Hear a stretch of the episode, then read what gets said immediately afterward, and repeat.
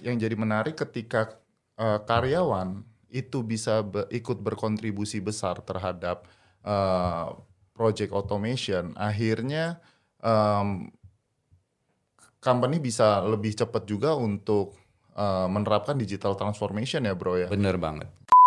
Biasanya kalau teman-teman itu di di karyawan di level bawah ya, hmm. di operasional itu mereka punya sedikit ketakutan bro. Oh. Okay. Ketakutannya itu adalah nanti robot gantiin saya dong ntar kerjanya hmm. kan. Kalau bisa begini begini begini katanya kan yeah. robot gitu kan. Nah, cuman dari sisi UiPath kita lihatnya agak sedikit berbeda bro persep hmm. perspektifnya ya. Karena kenapa? Karena terus terang RPA ini malah menciptakan peluang-peluang baru sebenarnya yeah. buat karyawan ya terus terang ya. Yeah. Jadi kalau mereka mau upskill skill mereka untuk belajar hal yang baru, ya kan? Nah, biarkan yang pekerjaan-pekerjaan repetitif itu dihandle sama robot kan. Iya. Sedangkan mereka bisa belajar hal-hal baru gitu loh. Betul. Yang lebih valuable gitu kan. Atau yang berhubungan dengan orang langsung yang nggak nggak bisa pakai robot gitu Benar. istilahnya gitu. Nah, dengan RPA pun kita menciptakan job-job baru, Bro. Dulu nggak ada namanya bisnis analis, Bro. Ya. Sekarang muncul hmm. job desk baru kan, bisnis analis. Dulu nggak ada namanya RPA developer, Bro. Okay. Ya, sekarang muncul tuh. Jadi orang bisa de-develop bikin robot. Ya RPA gitu kan. Betul. Jadi banyak sekali pekerjaan-pekerjaan muncul gitu ya. dengan adanya teknologi ini gitu. Nah, yang menarik adalah di sebuah perusahaan ketika kita akan menerapkan sebuah teknologi baru nih. Hmm. Gue gue dari tadi berpikir apakah penerapannya akan sesmooth itu gitu ya? Karena pasti ada beberapa mindset karyawan yang yang belum bisa berubah dan dan terjadi resistensi. Nah, biasanya kita akan mulai dari sisi uh, high level dulu dari uh, director level atau bahkan mungkin si level. Nah, hmm. uh, menurut lu uh, yang perlu lakukan initiate itu apakah CFO ataukah CIO ataukah CEO atau mereka harus berkolaborasi supaya penerapannya bisa lebih baik. Mungkin lu bisa jelasin, Bro. Yang harus starting tuh dari siapa, Bro? Oh, bagus banget pertanyaan, Bro. Jadi ini memang pertanyaan muncul banyak sekali ya dari teman-teman uh, di customer juga saya mulai mesti dari mana? Apakah ya. dari IT dulu kah? Ya. Apakah orang finance kah? Atau dari owner langsung misalnya gitu. Memang untuk mensukseskan program otomasi atau digital transformasi di perusahaan itu memang harus ada tiga stakeholder ini, bro. Ya dari dari tim IT berarti CIO-nya, ya kan. Kemudian dari sisi finance itu CFO-nya, dan yang pasti harus ada blessing dari CEO-nya sendiri. Okay. Jadi mereka harus berkolaborasi, bu supaya men mensukseskan program digital promotion yang di dalamnya ada automation di dalamnya. Iya. Dan kalau ya artinya semua lini harus saling kolaborate lah ya. Bener, semua bener harus kerjasama, nggak bisa silo-silo mereka kerjain sendiri. Benar. Nah, artinya juga kalau misalkan kita sudah menerapkan otomatisasi, pasti um, yang diharapkan oleh owner ataupun stakeholder adalah efisiensi dan efektivitas dalam bekerja sehingga nantinya perusahaan growth-nya bisa lebih besar lagi gitu ya. Hmm, benar. Dan kalau tadi gua cerita soal mungkin ada resistensi dari beberapa karyawan, hmm. mungkin yang mereka takutkan adalah ketika mereka nanti takut digantikan oleh robot, hmm. ya, digantikan oleh RPA. Nah, apakah benar RPA itu bisa menggantikan manusia ataukah uh, eh, RPA ini fungsinya adalah untuk berkolaborasi atau jadi asistensi dari manusia. Mungkin mungkin bisa dijelasin lebih detail supaya tidak hmm. ada kerancuan lagi di di teman-teman sobat berkawan gitu ya. Iya, iya. Uh, gini, Bro. Jadi UiPath ini foundernya namanya Daniel Dans. Hmm. Itu masih CEO-nya kita sekarang. Yeah. Jadi Daniel Dansin tuh punya visi dan misi sangat-sangat mulia, Bro. Hmm. Jadi dia punya visi adalah um, ke depan itu satu human, satu robot, bro. Atau satu employee, satu robot. Okay. Artinya kita pasti akan di-equip dengan satu robot personal, istilahnya asisten. Personal assistant ya? Bener banget. Hmm. Jadi kita ada produk kita namanya UiPath Assistant ya. Jadi hmm. ke depan itu dulu Bill Gates bilang satu human, satu Windows. Ya kan? Hmm. Sekarang satu human, satu robot bro. Okay. Jadi robot itu adalah sebagai asisten kita untuk membantu kita uh, proses tadi yang repetitif, berulang-ulang, yang manual ya, hmm. itu dikerjakan sama robot aja gitu. Okay. Nah, manusianya ngapa? Manusianya bisa berpikir untuk proses-proses yang lebih uh, apa sih valuable gitu atau yeah. berhubungan dengan manusia lain gitu. Yeah. Nah, jadi sebenarnya ini adalah kolaborasi. Jadi kita teknologi ini bukan untuk menggantikan manusia, Bro. Jadi teknologi adalah untuk me mengkolaborasikan antara manusia dan robot gitu. Oke. Okay. Nah, kalau kita udah bicara soal human, hmm. mungkin kita akan bicara juga soal human resource team juga ya gitu ya, mm -mm. HR team juga karena mm -mm. mau nggak mau ketika pekerjaan repetitif sudah bisa diasistensi oleh robot, mm -mm. nah si karyawan ini harus bisa diberdayakan oleh perusahaan dong, bener ya? Bener. Mereka harus mm. bisa punya skill set baru atau bahasanya reskilling ya. Bener. Nah, bener. Um, artinya HR juga harus berperan uh, besar juga untuk bagaimana bisa menemukan potensi-potensi baru atau menggali potensi dari karyawan-karyawan yang sudah dibantu oleh robot ini ya, gitu ya bro ya? Benar, benar. Jadi eh, kita pun di Indonesia ya, saya lihat ada satu bank di Indonesia, salah satu terbesar ya. Mereka itu mulai masuk ke tim HR sekarang untuk hmm. sosialisasi teknologi RPA ini ke semua karyawan. Oke. Okay. Uh, bahkan mereka punya nanti ada course-course atau modul-modul training apabila karyawan mau belajar soal RPA. Hmm. Nah ini menarik banget gitu. Ya. Jadi sebenarnya banyak kali tadi saya bilang kan bisa menciptakan peluang-peluang pekerjaan baru sebenarnya. Jadi tadi reskilling itu penting ya teman-teman berkawan ya. Jadi ke depan ini banyak sekali teknologi berkembang dengan cepat gitu. Yeah. Nah jadi kita harus menyesuaikan diri kan mau nggak mau gitu. Daripada kita ketinggalan, yeah. yang mendingan kita belajar juga gitu. Yeah. Nah itu penting banget sih. Berarti artinya UiPath tidak hanya um, memberikan solusi hyper automationnya, hmm. tapi memikirkan juga bagaimana kita, uh, UiPath bisa membantu karyawan dalam melakukan rescaling uh, skillsnya dia gitu ya. ya. Itu menarik sih. Mungkin saya tambahin lagi. Boleh boleh. Uh, kita pun di UiPath kita punya namanya uh, UiPath Academic Alliance Program hmm. ya. Jadi kita bekerja sama dengan beberapa kampus ya hmm. untuk men mengajarkan RPA ini ke teman-teman mahasiswa. Oke. Okay. Uh, jadi kita juga punya istilahnya CSR lah ke yeah. teman-teman uh, universitas, kampus ya, untuk mereka supaya tadi skillnya jadi siap kerja nanti. Betul. Nah itu bagus banget dari UiPath-nya. Gitu. Yeah.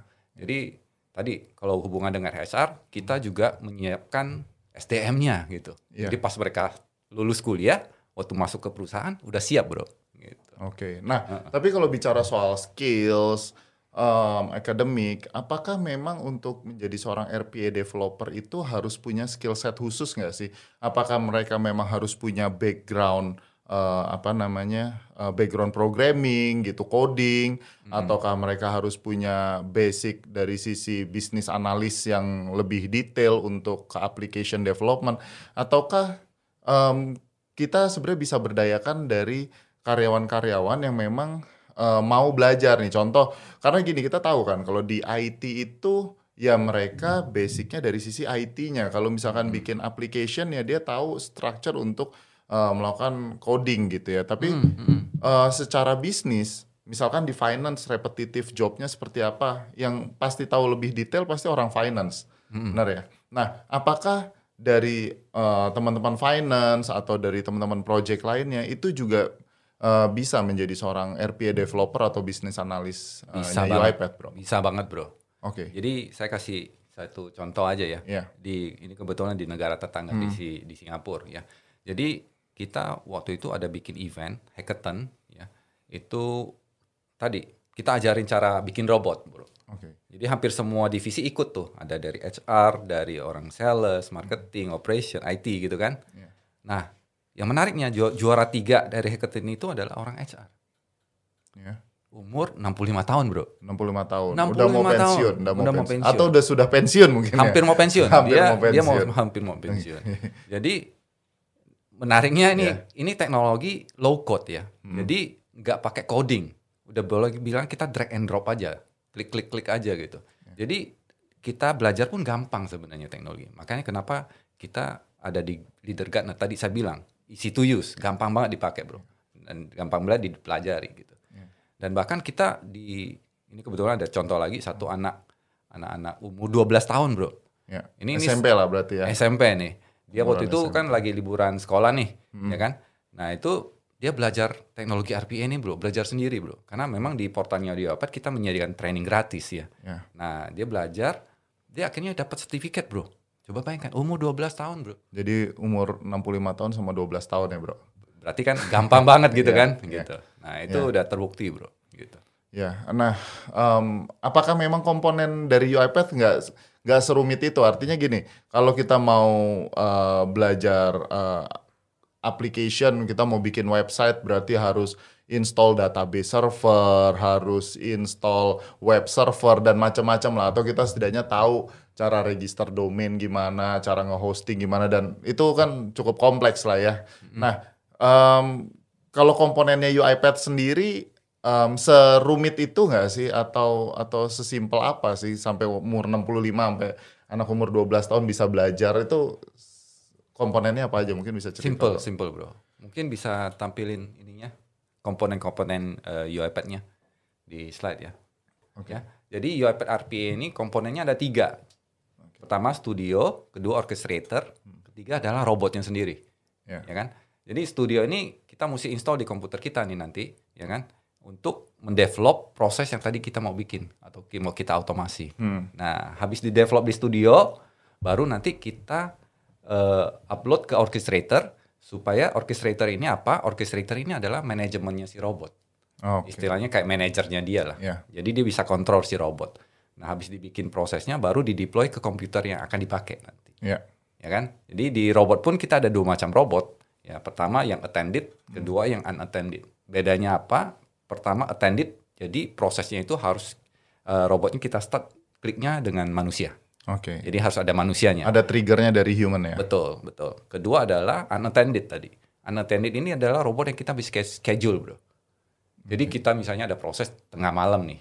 Kita mau jalan jam 12 malam. Nggak mungkin dong kita datang-datang ke komputer, datang ke kantor, kantor ngeklik gitu atau kan. remote ke kantor itu Bener, kan. Bener, kan ribet kan, mesti jam 12. Nah, itu robotnya kita bisa otomatis jalan, bro dengan menggunakan orchestrator. Dan Berarti kita tinggal ya artinya tinggal kita schedule aja. Betul. Robotnya akan otomatis jalan di jam tersebut. Bener Dan banget. apakah robot artinya bisa mengerjakan beberapa pekerjaan sekaligus, paralel atau serial cara kerjanya robot? Oke, jadi robot itu bekerja based on uh, komputer kan. Hmm. Nah, komputer itu kalau lagi jalan dia akan take over, Bro.